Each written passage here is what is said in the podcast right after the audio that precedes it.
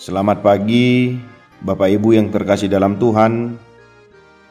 Renungan pagi ini bagi kita tertulis di dalam Efesus 2 ayat 22. Di dalam dia kamu juga turut dibangunkan menjadi tempat kediaman Allah di dalam roh. Demikian firman Tuhan. Tuhan mempunyai rencana bagi setiap kita untuk kemuliaannya. Maukah kita memberi diri untuk dibentuknya menjadi pribadi yang dilayakkan sebagai anggota kerajaan Allah yang kudus dan berkenan di hadapannya? Maukah kita melayaninya sebagai batu hidup untuk membangun bait Allah?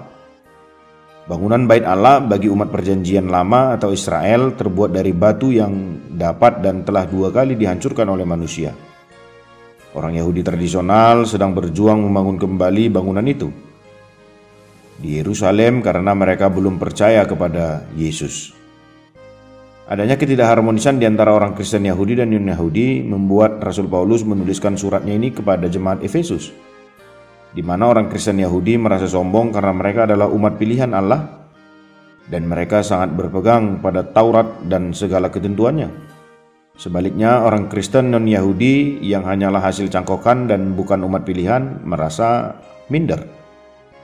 Tetapi sekarang di dalam Kristus Yesus, kamu yang dahulu jauh sudah menjadi dekat oleh darah Kristus. Kematian Kristus telah membuat mereka yang jauh menjadi dekat. Apa yang dilakukan oleh Kristus lewat kematiannya? Kristus telah merobohkan tembok pemisah di antara mereka, yaitu hukum Taurat dan segala ketentuannya sudah dimusnahkan dalam diri Kristus. Sehingga kedua belah pihak sama-sama didamaikan di dalam Kristus dan dipersatukan dalam satu tubuh. Kematian Kristus telah mempersatukan etnis Yahudi dan non-Yahudi dan mereka menjadi anggota keluarga Allah. Kematian Kristus telah mempersatukan orang percaya dalam satu tubuh, satu keluarga, dan satu bangunan yang berarti berkaitan erat satu sama lain. Dengan menyadari posisi kita sebagai batu yang hidup dalam bangunan rohani yang universal seperti itu, Patutlah kita pengikut Kristus yang otentik lebih sungguh-sungguh melakukan segala perintah Kristus kepala jemaat dengan kuasa dan dengan dipimpin oleh Roh Kudus agar kita bersama-sama dengan semua orang kudus menjadi saksi Tuhan di dunia ini. Karena kita dan di dalam kita dibangunkan menjadi tempat kediaman Allah di dalam Roh Kudus Tuhan. Kembalilah kepada firman Allah. Tuhan memberkati.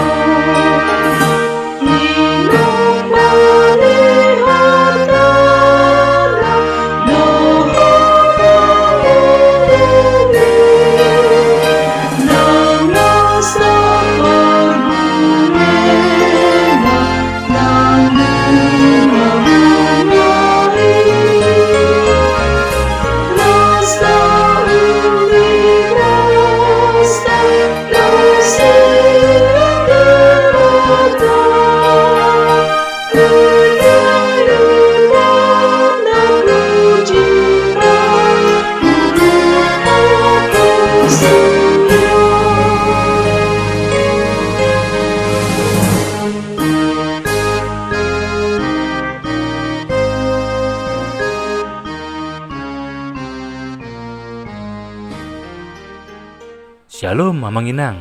Terima kasih sudah mengawali hari dengan mendengarkan renungan hari ini. Yuk bagikan renungan harian ini kepada keluarga kita sehingga firman Tuhan itu tidak kembali sia-sia, namun berbuah dan terpelihara. Tuhan Yesus memberkati.